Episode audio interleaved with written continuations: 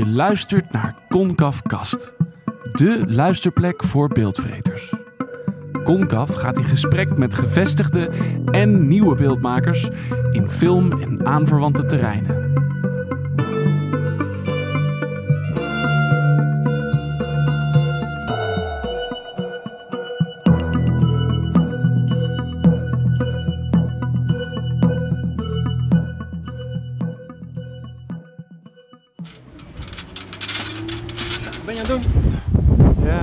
Banner hè, je moet alles zelf doen. Dus de banner van Dogfeet was binnen, dus gaan we hem gelijk ophalen. Het nieuw feest is voorbij. We hebben een nieuw logo. Dus we kunnen beginnen. We gaan los. Ja, dat zie je wel hè. We moeten altijd wel de kar blijven trekken. Als je niet gaat trekken, dan eh, stopt die kar. En als je blijft trekken, dan uh, je zwaankleef aan. Voor je het weet doen er 100 man mee. Maar als je stopt met trekken, dan eh, gaat iedereen weer zijn eigen gang. Dus ik weet niet wat het is. Iemand zei ook, ja maar dat is jouw rol. Jouw rol om die kar te trekken. Eh, zo zie ik het ook maar een beetje. Maar ik denk als je iemand anders kan uit de kar trekken, maar dat gebeurt niet. Terwijl als je gaat trekken, weet je, dan sta ik buiten. En in no time staan er weer twee dames te helpen in de regen. Dus dan doet iedereen wel mee. Maar als ik niet die ladder pak, dan eh, blijft iedereen op zijn stoel zitten. Gek hè? Dat, eh, En ik heb ik niet, niet geduld voor, dus dan ga ik het maar zelf doen. Dan denk ik, anders hangt er morgen nog niks. Dus ik begin maar. En dan gaat iedereen wel weer meedoen, dus dat vind ik altijd wel leuk hoor. Daar krijg ik ook wel een goed gevoel van. Maar soms heb ik ook geen zin om op te staan en dan wordt het lastig, want dan gebeurt er helemaal niks. Wie is Frans Maus? Wie is Frans Maus? Ja, dat is een goede Frank. Dat, eh, dat, eh, daar ben ik al eh, bijna 50 jaar naar op zoek. en ik heb het nog niet gevonden in de zin van dat ik heel veel dingen leuk vind en heel veel dingen interessant vind. En om de paar jaar wissel ik weer met iets. Wat heb je allemaal gedaan? Ik was ooit machinist op een, op een zeeschip en ik was ooit stuurman, projectleider. Ik heb in havens gewerkt, ICT-leider, ICT-manager geweest bij een grote bank. Projectleider bij de hogeschool. Ik heb voor de klas gestaan.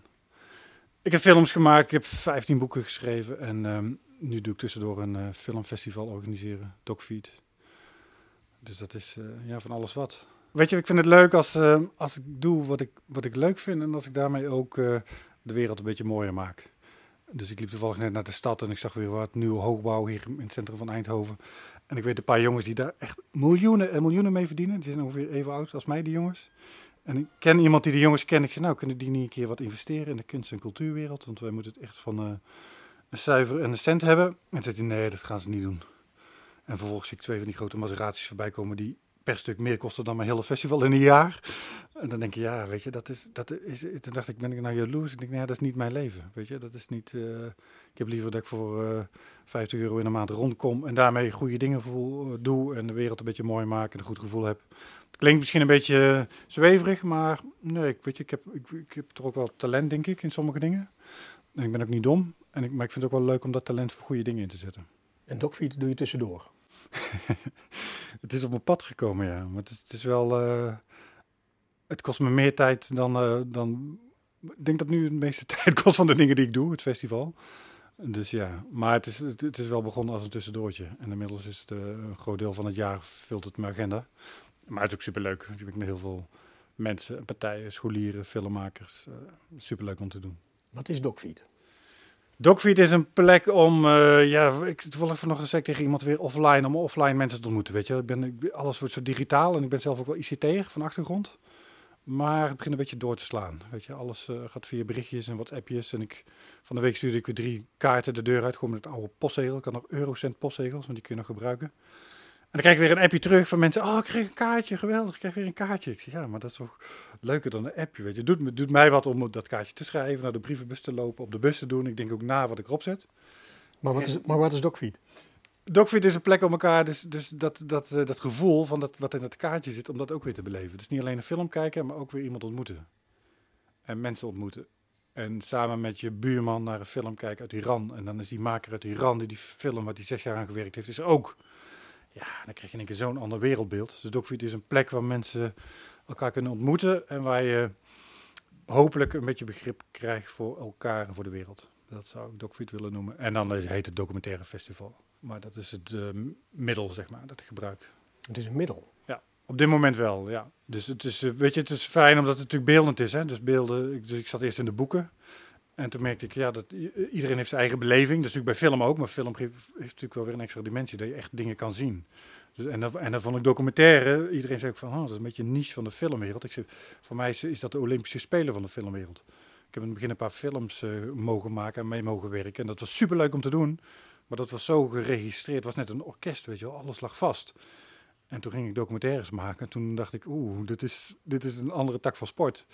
En nogmaals, dat voelde in het begin iedereen had, keek daar een beetje voor mijn gevoel minachtend naar. Maar ik had al vrij snel zelf het gevoel dat het echt de Olympische Spelen waren. Van als je documentaire kan maken, dan, dan zit je echt in de, in de hoogste klasse van film. Zo zie ik het. En dan is het resultaat natuurlijk altijd anders dan dat je verwachtte. Sommige mensen denken, huh, heb je hier nou zes jaar over gedaan? Ja, hier heb ik zes jaar over gedaan. Want het is een worsteling en dingen gaan altijd anders dan dat je denkt. En, eh, en die mensen die die maken zijn ook per definitie gewoon mensen, leuke mensen. Het zijn mensen die een ambacht eh, beoefenen en die geduld hebben en die geïnteresseerd zijn in, in anderen. Je bent toch met anderen bezig. Maar als je goed kijkt naar de film, dan zie je er ook altijd wel weer de maker. Dus dat vind ik ook wel weer leuk. Dus je leert ook wel weer de maker kennen. En is Dogfeet inmiddels Olympische Spelen? Nee, verre van. Dat, eh, dat blijft ook een beetje een worsteling. Hè. We, we- ik had ooit het idee. Ik heb ooit bedrijfskunde gestudeerd. Hè. Dat was ook een van de dingen die ik gedaan heb.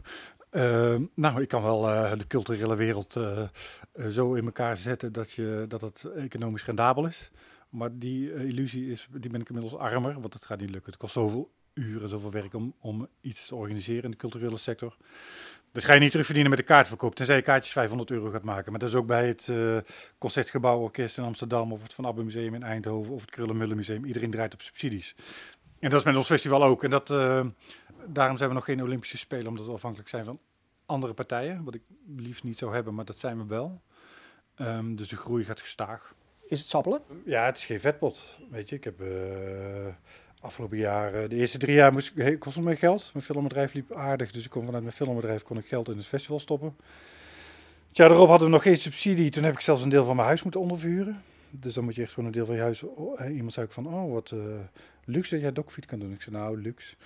Er wordt nou iemand op zolder die mee de, de hypotheek betaalt. En eh, nu kunnen we twee jaar vooruit. En dat wil zeggen dat ik van die twee jaar genoeg geld heb om mijn hypotheek te kunnen betalen. En een boterham, maar niet voor mijn vakantie, niet voor auto, niet voor andere dingen. Dus dan, dan moet ik echt nog wel voor bijwerken, klussen doen. Eh, dus het is sabbelen. En, en iemand zei, die zag mijn jaarverslag, van, joh, je kunt gewoon bij de gemeente bijstand aanvragen, want je verdient minder dan het bijstandsniveau. Dan zeg ik, joh, wegwezen, want eh, ik doe wat ik leuk vind. En dan krijg ik allerlei lui die gaan zeggen dat je moet gaan solliciteren en allerlei formulieren invullen. Dan heb ik liever wat minder geld en dat ik mijn eigen ding kan doen. En ik heb de leukste baan in de wereld. Eh, maar nogmaals, ik was ook ooit eh, directeur bij een bank en toen verdiende ik heel veel geld en daar werd ik niet echt gelukkig van. Dus dan heb ik liever dit, dat ik mijn eigen ding kan doen en leuke dingen kan doen en leuke mensen kan ontmoeten. En dan eet ik wel iets minder. En dan, eh, dan vind ik het prima. Maar het is de illusie dat je van film maken, boeken schrijven, festivals organiseren, mooie muziek maken, beelden maken. Nee, dat je daar geld dat je, dat dat daar rijk van wordt. Nee. En als iemand dan zegt van waarom kost die film 20.000 euro of waarom kost dat beeld 30.000 euro? Nou, ik weet inmiddels wel waarom. Omdat het jaren en jaren en jaren werk is en schaven en bij, bijschaven en, en perfectioneren. En ja, als je dat die uren gaat rekenen, dat is, dan kom je gewoon op bijstandsniveau. Dus als iemand, een kunstenaar, ooit iets aanbiedt, een film of een boek of wat dan ook, niet gaan zeuren over de prijs, gewoon betalen. Ja, dat heeft gewoon een prijskaartje. En, eh, Maar is het niet gênant dat je daar niet eens van kan leven? Van zo'n festival? ja, is het niet gênant? Ja, ja, weet ik niet. Het is moeilijk. Het is, eh, ik kwam ook bij de, een van de ASML-directeuren, daar was ik drie jaar mee bezig, om te vragen, iemand zei ook, je moet eh, subsidie uit het bedrijfsleven. Dan zat ik aan tafel, ik zei, nou, Docfeed jongens, geef me 10.000 euro, kan ik een jaar vooruit. En waarop een van die directeuren zegt, Frans, eh, weet je, die gemiddelde ASML-medewerker gemiddeld verdient 5000 euro bruto in de maand. Die kunnen makkelijk kaartjes kopen, waarom moet ik jouw festival subsidiëren? En toen zat ik eerlijk gezegd wel met mijn mond vol tanden. En dacht, ik, ja, dat klopt. Die gasten verdienen zoveel, die kunnen makkelijk hier eh, kaartjes voor 40, 50 euro kopen. Maar ja, ik wil ook het festival weer toegankelijk houden voor studenten, jonge makers, andere mensen in de stad. Dus ik wil ook die kaartjesprijs niet te hoog maken. Maar eh, ja, alles heeft een prijs. Iemand gaat dan eh, in de stad eten voordat ze naar Dogfeed komen. En dan tikken ze 100, 150 euro af voor een etentje met drie, vier man. En dan vragen ze volgens mij, waarom kost die eh, film hier een eh, tientje? Dan denk ik, jongens, je hebt net wijn gedronken voor 6 euro per glas. En dan vraag je mij waarom een filmkaartje voor iemand uit Canada die zes jaar aan die film heeft lopen werken, die nu hier is om een Q&A te geven, waarom ik een tientje vraag voor die stoel. Ja, dat, dat gaat mijn verstand erboven. Maar misschien zwemmen tegen de stroom in. Maar ja, dat moet je dan maar doen. En dan op een gegeven moment hopen dat, eh, dat, dat, dat het toch de wereld ten goede komt. En dat mensen ook inzien dat kunst en cultuur, dat dat toch weet je, de olie van de samenleving is. Weet je, je kunt allemaal wel verharden en voor het geld gaan en met een burn-out thuis zitten, maar weet je, we kunnen de wereld ook mooier maken en wat begripvoller en wat soepeler met elkaar omgaan. Nou ja, wij zijn dan wel de olie in de motor en dat zie je niet. Maar ja, zonder olie rijdt de motor niet, hè? En dat kost wat. En in mijn geval kost het uren en uh, een stukje van mijn huis inleveren en dat soort dingen. Maar dat uh, heb ik er nu nog voor over. En ik weet niet of ik dat op mijn pensioen kan volhouden. Maar zolang het gaat, dan uh, doe ik het. Maar ieder jaar verdubbelen we. En ik, ik heb nu, vanochtend zat ik een beetje vooruit te dromen. Toen dacht ik, nou, 2025, ITVA, pas maar op, want we komen eraan. Ja? Ja. Dat wil je. Nou, ik had eerst vijf jaar. Ik had vijf jaar een vlag geplant. Hè, van ik wil vijf jaar, wil ik in ieder geval geen geld meer toe hoeven leggen aan het festival. Dat heeft vijf jaar gekost. De eerste, eerste, vier jaar, eerste drie jaar moest ik er geld aan toeleggen. Nu is het in ieder geval kosten neutraal. En nu denk ik van nou, nu, ga, nu wil ik ook inderdaad de Olympische Spelen gaan spelen. Dan, uh, jongens, luister eens, we hebben nu een vlag geplant. Uh, en nu gaan we op weg naar de maan. Van, uh, we gaan eens even kijken hoe ver we kunnen komen. Daar krijg ik ook energie van. Weet je, als, als het blijft voortkabbelen, dan. je vroeg aan het begin wie ben je? Nou, ik, ik, heb wel een vlag nodig. Ik heb geen zin om mijn eigen uit te putten, dus ik moet wel in mijn kracht blijven. Maar een vlag die altijd verschoven wordt, dat, dat, dan blijf ik wel in mijn kracht. Dan, uh, dan gaat het bij mij wel, wel, weer kriebelen. En je hebt de wind mee, want Dogfeed krijgt allerlei subsidies uit allerlei hoeken. Iedereen begint het festival te omarmen. Heb ik het idee? Klopt dat? Ja, ja, ja. Nee, dat is echt bizar. We hebben vier uh, aanvragen gedaan bij vier partijen, alle vier gehonoreerd. Dat blijft dan toch spannend, hè? want je kent de partijen, maar die zijn weer afhankelijk van commissies, bla bla bla. Dus het is een onvoorspelbaar spel wat je speelt. En um, de aantal aanvragen is meestal de, de, de, dubbele van het budget wat er is. Dus je zit met z'n allen een, een, een, met veel mensen in een kleine vijver te vissen. We hebben denk ik ook wel reële doelen, weet je. We hebben onze, onze hand ook niet overspeeld. We hebben ook gezegd, we zijn nog klein, maar we, professionaliseren, we groeien gestaag. En dat heeft de commissie ook gezien. Dus ik denk, zolang we bij onszelf blijven, dan, uh, dan gaat het goed. Maar ja, we krijgen inmiddels de kenning. En als ik nu, net voor de grap hadden we het over Itwa, maar als we daar binnen lopen, dan zeggen ze ook, hé, hey, daar hebben de jongens van Dogfeed. En vijf jaar geleden hadden ze zoiets van, hé, hey, wie zijn jullie? Dus dat, je merkt wel dat er een verschuiving komt. En nu in Canada, er was een meisje die mailde vanochtend, die komt naar Dogfeed. Ik zeg maar, lieve schat, weet je dat we je film draaien? En er zaten hier wel 60 man in kunnen. Maakt niet uit, want ik hoorde in Sundance dat Dogfeed een gaaf festival is, dus ik wil naar jullie. Ik zei, oké. Okay. Maar ik denk, wie de fuck hebben jullie het over Dogfeed en Sundance? En er zal ongetwijfeld bij een glas bier met twee mensen in een bar zijn geweest. Maar dat vind ik toch wel leuk, weet je. Dat je blijkbaar iets in een steen en een vijver gooit en dan... Je weet niet waar die rimpeling eindigt, hè. Dat blijft maar doorgaan. Dus dat is helemaal een beetje in de beeldspraak te blijven van... Uh, het, de, dus de partijen omarmen, terug te komen op je, om, om je vraag. En het is, het, het is inmiddels zo een soort onderstroom ergens geworden... dat ik zelf ook niet meer weet hoe groot of hoe klein we zijn. Dat, durf ik niet te zeggen. We zitten nog steeds in een niche. Maar ik weet inmiddels, we hebben met 60 landen in de wereld samengewerkt. Met filmmakers uit 60 landen. Dus, dus bijna in de hele wereld, als je ergens tegen iemand dogfiets zegt, is wel iemand die het kent. Dus dat vind ik wel weer een leuk idee. Dat maakt de wereld weer heel klein. En het ITVA over vijf jaar, dat gaat jou nog lukken ook misschien? Ik durf niet te hard op te zeggen, maar de, sommige dingen die... Ik weet dat de, de, de eerste editie van Dogfeed hadden we een film, US Naked, een van mijn favoriete films. Die begonnen met een dame straatartiest die zei... Uh, be careful what you wish for, it might come true. So don't make it too small. En daar begon die film mee. En toen dacht ik, ja, weet je, dat, is, dat, dat merk ik wel. Als je je droom durft uit te spreken, dan gaat het zomaar eens lukken. Dus ik durf nu niet hardop te zeggen, maar het is wel, ja, als, nu heb ik het net tegen jou gezegd, maar dat, dat, dat moet je wel, voor oppassen. Want het might come true, ja. We gaan ervoor, als je meedoet. Ik doe mee, want ik vind Dogfeed een fantastisch festival. Zoals je weet, trouwens. En ik kan me ook nog heel goed herinneren hoe het begon zo klein, zo eenvoudig. Waar is het voor jou begonnen? Waar dacht jij, ik begin een filmfestival?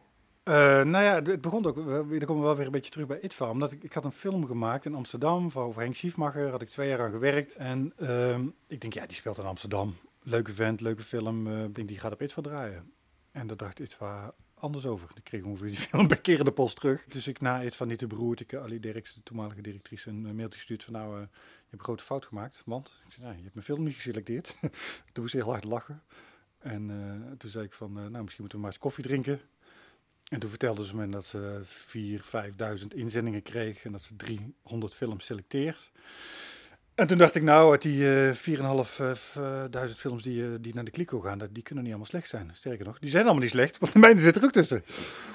Dus toen dacht ik van, hé, hey, dat is, dat, ja, toen reed terug naar huis. Toen dacht ik, ik ga eens die 4.500 filmmakers opzoeken. En ga ik een festival beginnen. En toen ben ik begonnen met via ehm, Janneke volgens mij. Janneke kwam ik toen tegen van BKKC. En toen zei ik, wie zit er in, mijn buurt die films maken? Nou ja, dat was Drede Deriens, Joost Seelen, Tom van Zandvoort en Frank van Os. En die heb ik toen allemaal gemaild van jongens, kan ik koffie komen drinken. Dus je was ook een van de eerste vier of vijf die ik sprak over het festival. En uh, leuk genoeg ook een van de mensen die daar gelijk vertrouwen in had. Zo van, ja, hier heb je mijn films. Waar ben je ermee van plan? Gek, dat nog net niet. maar uh, ik vond het wel leuk uh, dat ik, dat ik weet je, ik was ook net nieuw in de filmwereld. Dat toch, dat, dat clubje mensen me gelijk eigenlijk vanaf dag één gesupport heeft. En dat was ook gelijk denk ik, de kracht van Dogfeed, weet je wel. Dat er gelijk mensen waren van, hey, dit is leuk. En alles wat boven de rivieren gebeurt, hè, dat is natuurlijk Hilversum en, en Contraire, weet je ook natuurlijk. Dat is in Utrecht en Amsterdam en die driehoek. Daar gebeurt het. Terwijl hier de driehoek uh, Antwerpen, Eindhoven, Leuven, Den Bosch, Keulen. Weet je, we zitten net zo centraal in de wereld als, als Hilversum. Sterker nog, misschien nog wel centraler. Want binnen een uur sta ik hier in Brussel en binnen een uur sta ik in Amsterdam. wat wil je nog meer? waarom is dit niet het centrum? Dus ik denk wel dat hier ook wel echt wel potentie ligt. En, en mensen met hart, weet je. Maar goed, ik spreek ook letterlijk en figuurlijk de, taal van het zuiden. Gewoon het, iedereen zegt ook, het is hier moeilijk, moeilijk zaken doen.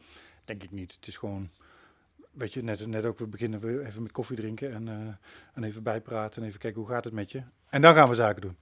En als je in Amsterdam komt, dat heb ik ook vaak genoeg gefilmd, dan is het nou eerst maar eens filmen. En als je na twee uur lang je tong uit je mond hangt, want je hebt het dorst, dan is het, oh, wil je misschien nog wat drinken? Ja, tegenwoordig als ik naar Amsterdam ga, neem ik een thermos kan koffie mee en wat, wat krentenbollen. Wat dan ga je daar niet krijgen, weet je wel. En daar hoef ik in Brabant geen zorgen over te maken. Dus ik voel me hier als een vis in het water. En ik, ik, ik haal gewoon de wereld hier naartoe. Dan hoeven wij niet heel tijd daar naartoe. Dus het is ook een beetje gemak. En is Docfeed dan ook nog een kleine middelvinger richting uh, de Randstad? Nou, zo, zo begon het wel. Van, uh, ik zal het niet noemen hoe we onze eerste edities noemen, maar inmiddels zo, zo zie ik het niet mee, weet je. Iedereen heeft zijn eigen normen en waarden en iedereen heeft zijn eigen cultuur. En ik zeg niet dat onze beter is, ik voel me hier gewoon prettiger in. En uh, nogmaals, ik merk dat, dat hier, zo met de high-tech regio, hè, er zitten heel veel nationaliteiten hier in de omgeving. Ook als je hier op het terras gaat zitten, hoor je zo vijf, zes, zeven talen rond, je heen. Dus ik denk dat we ook een prima bodem zijn voor uh, ja, een, een internationaal festival wat we zijn. En die internationale verstandhoudingen en ja, dus dat is niet zozeer een middelvinger naar richting de Randstad als wel van, joh, hier kan het ook gewoon leuk zijn. En uh, het hoeft allemaal niet uh, zo van de toren geblazen te worden. Je kunt ook gewoon met je voet in de klei staan en ook mooie dingen maken. Zo is, zo is het ook wel weer. Uh. Je hebt een geweldig gebouw ervoor. Kan je dus iets over beschrijven? Hoe ziet het eruit? Wat, wat voor sfeer hangt hier? Ja, het is, het is wel het is ook gelijk het zwaard van Damocles, ook het gebouw. Want het is een oude, oud Philipspand, het is nu van de gemeente. het was een oude Philipswinkel, toch? Ja, Philips Winkel heeft erin gezeten. Ehm, de het verhaal gaat dat de oude Frits hier ook nog voor in het gebouw heeft gezeten. Er zit ook een klein luikje bij de, achter de portier waarop je een van de kamers in kan. En dat was dan de Frits die kon kijken wie er bij de voordeur stond. Uh, dus het is wel een gebouw met historie. En het is ook een kleine oase, want in de binnenkant van het gebouw is zelfs een klein binnentuintje. Dus, dus ondanks alle hectiek rondom het gebouw heen hebben we binnen een oase met letterlijk wat groen. En er zitten nu een soort 80 kleine kamertjes waar nu allemaal uh, uh, creatieve mensen zitten. Veel designers zitten er. Een paar filmmakers, muziekmakers, meubelmakers. Uh, ja, dus we kunnen hier wel helemaal los. Dus dat is fijn. We kunnen er, er is, nadeel is, we zijn geen bioscoop. Hè. We hebben geen stoelen, geen, geen de allernieuwste beamers en de allernieuwste audio-installaties. Dat hebben we niet. Maar wat we wel hebben is uh, sfeer. En weet je, we hebben, we hebben de sleutel van het gebouw. Dus zolang het gezellig is, dan draait hier de muziek en draaien we films. Dan gaan we gewoon lekker door. Dus we kunnen hier gewoon lekker doen en laten wat we willen. Ehm, het gebouw is van de gemeente. Wij hebben het in gebruik. Wij, dus we, zitten, we zijn hier, maken onderdeel uit van de stichting. En inmiddels is het wel zo dat de projectontwikkelaars waar ik het net over had, die zijn zoveel geld aan het bieden dat we hier wel waarschijnlijk wel eerder uit moeten. Maar inmiddels zijn we ook wel weer zo geliefd bij filmhuizen en andere instellingen, dat die zeggen, kom maar naar ons. Dus daar maakt me niet, niet heel veel zorgen om. In de zin, wel een beetje in de zin van dat ik zeg van nou, ik wil wel naar een filmhuis, maar ik wil ook wel de festivalsfeer vasthouden. Dus geef mij de sleutel maar van de voordeur. Dus als ik bij het filmhuis kom, dat we in ieder geval niet om, uh, om half tien de bar sluiten, want uh, we houden ook wel een beetje van de Brabantse gezelligheid. Dus, uh, dus dat zijn wel dingen die we in de toekomst moeten gaan regelen. Maar goed, we worden groter en op een gegeven moment moet je ook iets professioneler worden in de zin van uh, dat mensen het ook wel leuk vinden om op een goede stoel te zitten en niet met handschoenen aan naar een film te kijken. Dus ik vind het ook niet heel erg. Maar, maar het gebouw waar we nu zitten is wel heel sfeervol en, en authentiek. En, uh, En dat heeft dan wel het nadeel als het hard dat het soms eens druppelt. En als het heel koud is, dat soms de verwarming uitvalt. En, maar dat, ja, dat bepaalt ook de sfeer, weet je wel. En als mensen uit New York komen hier om, als we een film draaien, die hebben zoiets van, wow, wat de fuck is dit, weet je wel. In het begin dacht ik, oeh, die komt uit New York. En die verwacht misschien een, een, een, een, een carré. Uh, en dan en is hier een oud gebouw, maar die vinden dat zo geweldig. Maar ja, die Amerikanen natuurlijk alles van uh, voor 1960 vinden ze al... Uh, historisch en authentiek. Dus die vinden het helemaal geweldig dat alles hier oud is. Sterker nog, volgens mij is dit gebouw ook een van de krachten van Dogfeed. Het is, weet je, het fijne is dat we, ook, dat we gewoon alles onder één dak hebben. Dus je hoeft nergens, als je binnen bent, we hebben wel wat side events in de stad, maar hier gebeurt het. Hier komen alle makers, hier draaien alle films, hier zijn alle workshops, hier zijn alle tentoonstellingen. Dus als je eenmaal binnen bent, we hebben ook een festivalgevoel, hè? dat heb ik van het begin af aan gedaan. Van, je koopt gewoon één bandje en je kunt de hele dag rondlopen, de hele dag films kijken en niet... Uh, uh, dat je per, uh, per film weer een, een, kaartje moet kopen en moet beslissen of je wel of niet gaat kijken. Of, dus ik wil ook, dat is misschien dan nog iets, iets wat, we onder, wat ons onderscheidt van andere filmfestivals. Dat ik ook wel het leuke wat ik altijd bij muziekfestivals vind, hè, dat je dingen kunt ontdekken en dat je eens een keer naar een band gaat kijken die je niet kent.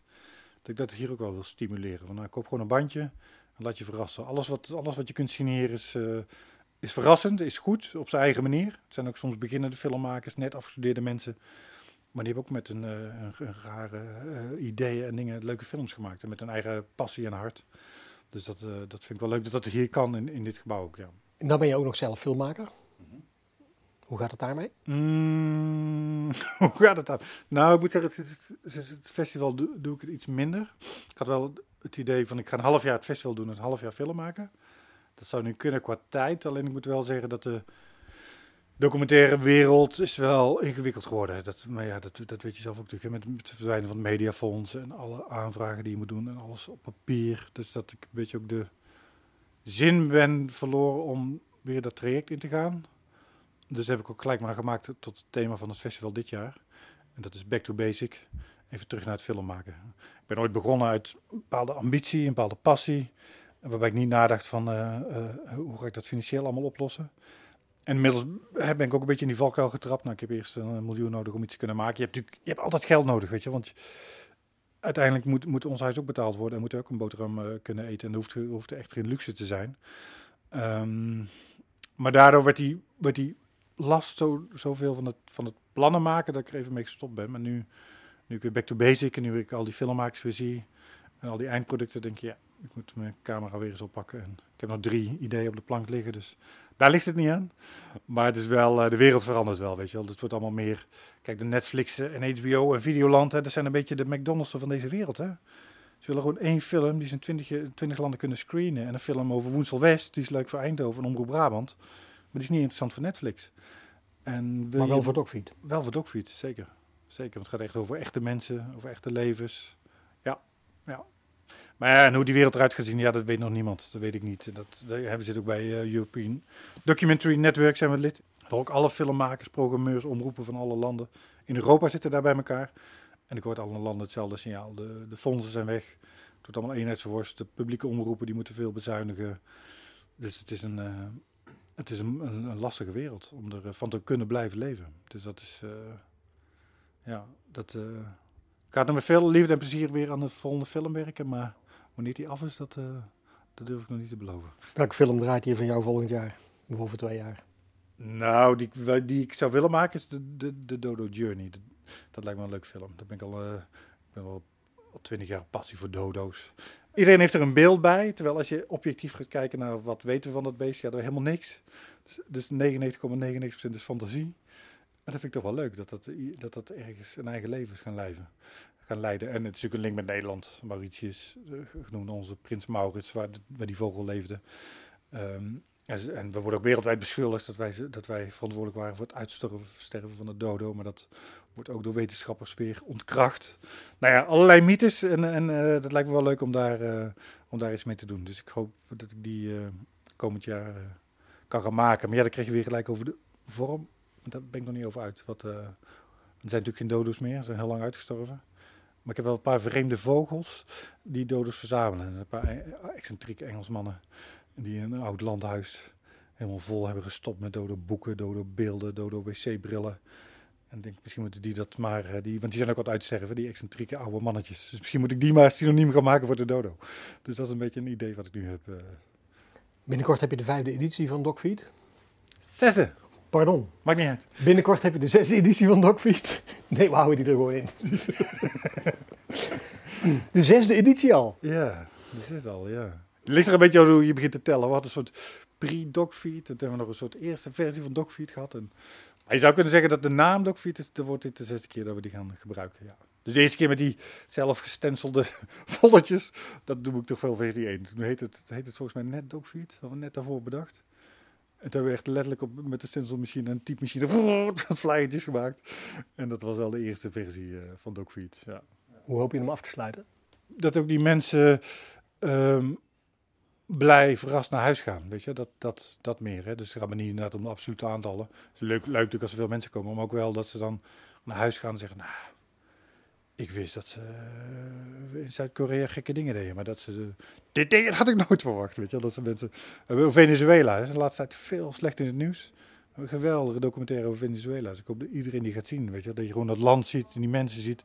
Overal zijn lieve mensen. En als je het nieuws aanzet, denk je overal zijn schurken. Nee joh, overal zijn lieve mensen. En dat hoop ik, dat als ik hier de deur dicht rijd in vier dagen, dat, dat die olievlek zich een beetje verspreid heeft. Dat men, andere mensen ook zeggen van, ach, de wereld is, uh, is best mooi.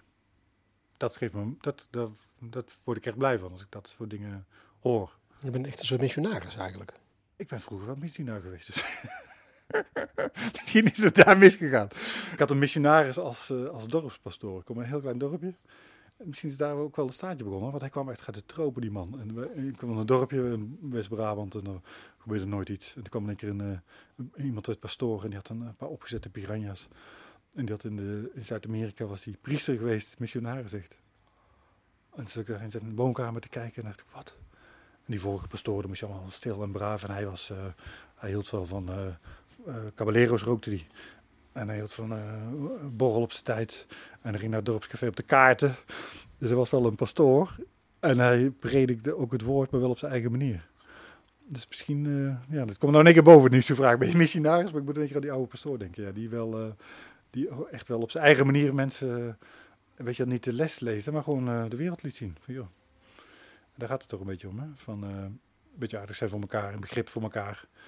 En ik denk dat het middels het middel documentaire gewoon heel goed kan. Omdat die makers, die hebben allemaal passie. En die, weet je, je kunt niet zes jaar aan een documentaire werken als je, als je niet de passie hebt voor iets. Dus ik heb ook nog nooit meegemaakt een documentaire waarvan ik dacht, oeh, het is, het slaat helemaal de plank mee. Dat heb ik nog nooit meegemaakt. Ik heb nu denk, duizenden films hebben inmiddels aangemeld gekregen voor DocFeed, ook allemaal gezien. Maar ik heb nog nooit echt iets gezien van ik dacht, nou, dit, dit kan niet. Want dit geeft een beeld van Noord-Korea of van Iran of van die schurkenstaat. Altijd passievol en empathie. Dat is een beter woord. Empathie voor anderen. En dat is misschien wel een klein beetje begonnen bij die dorpspastoor. Ja, en om dat te woord te verspreiden. Omdat je net zei missionaris. Van, uh, ja, om die empathie, om dat te verspreiden, weet je wel. Dat, uh, ja. Jij gelooft in de mensheid? Ja, zeker. Ja, weet je, als wij dat niet meer doen, wie dan wel?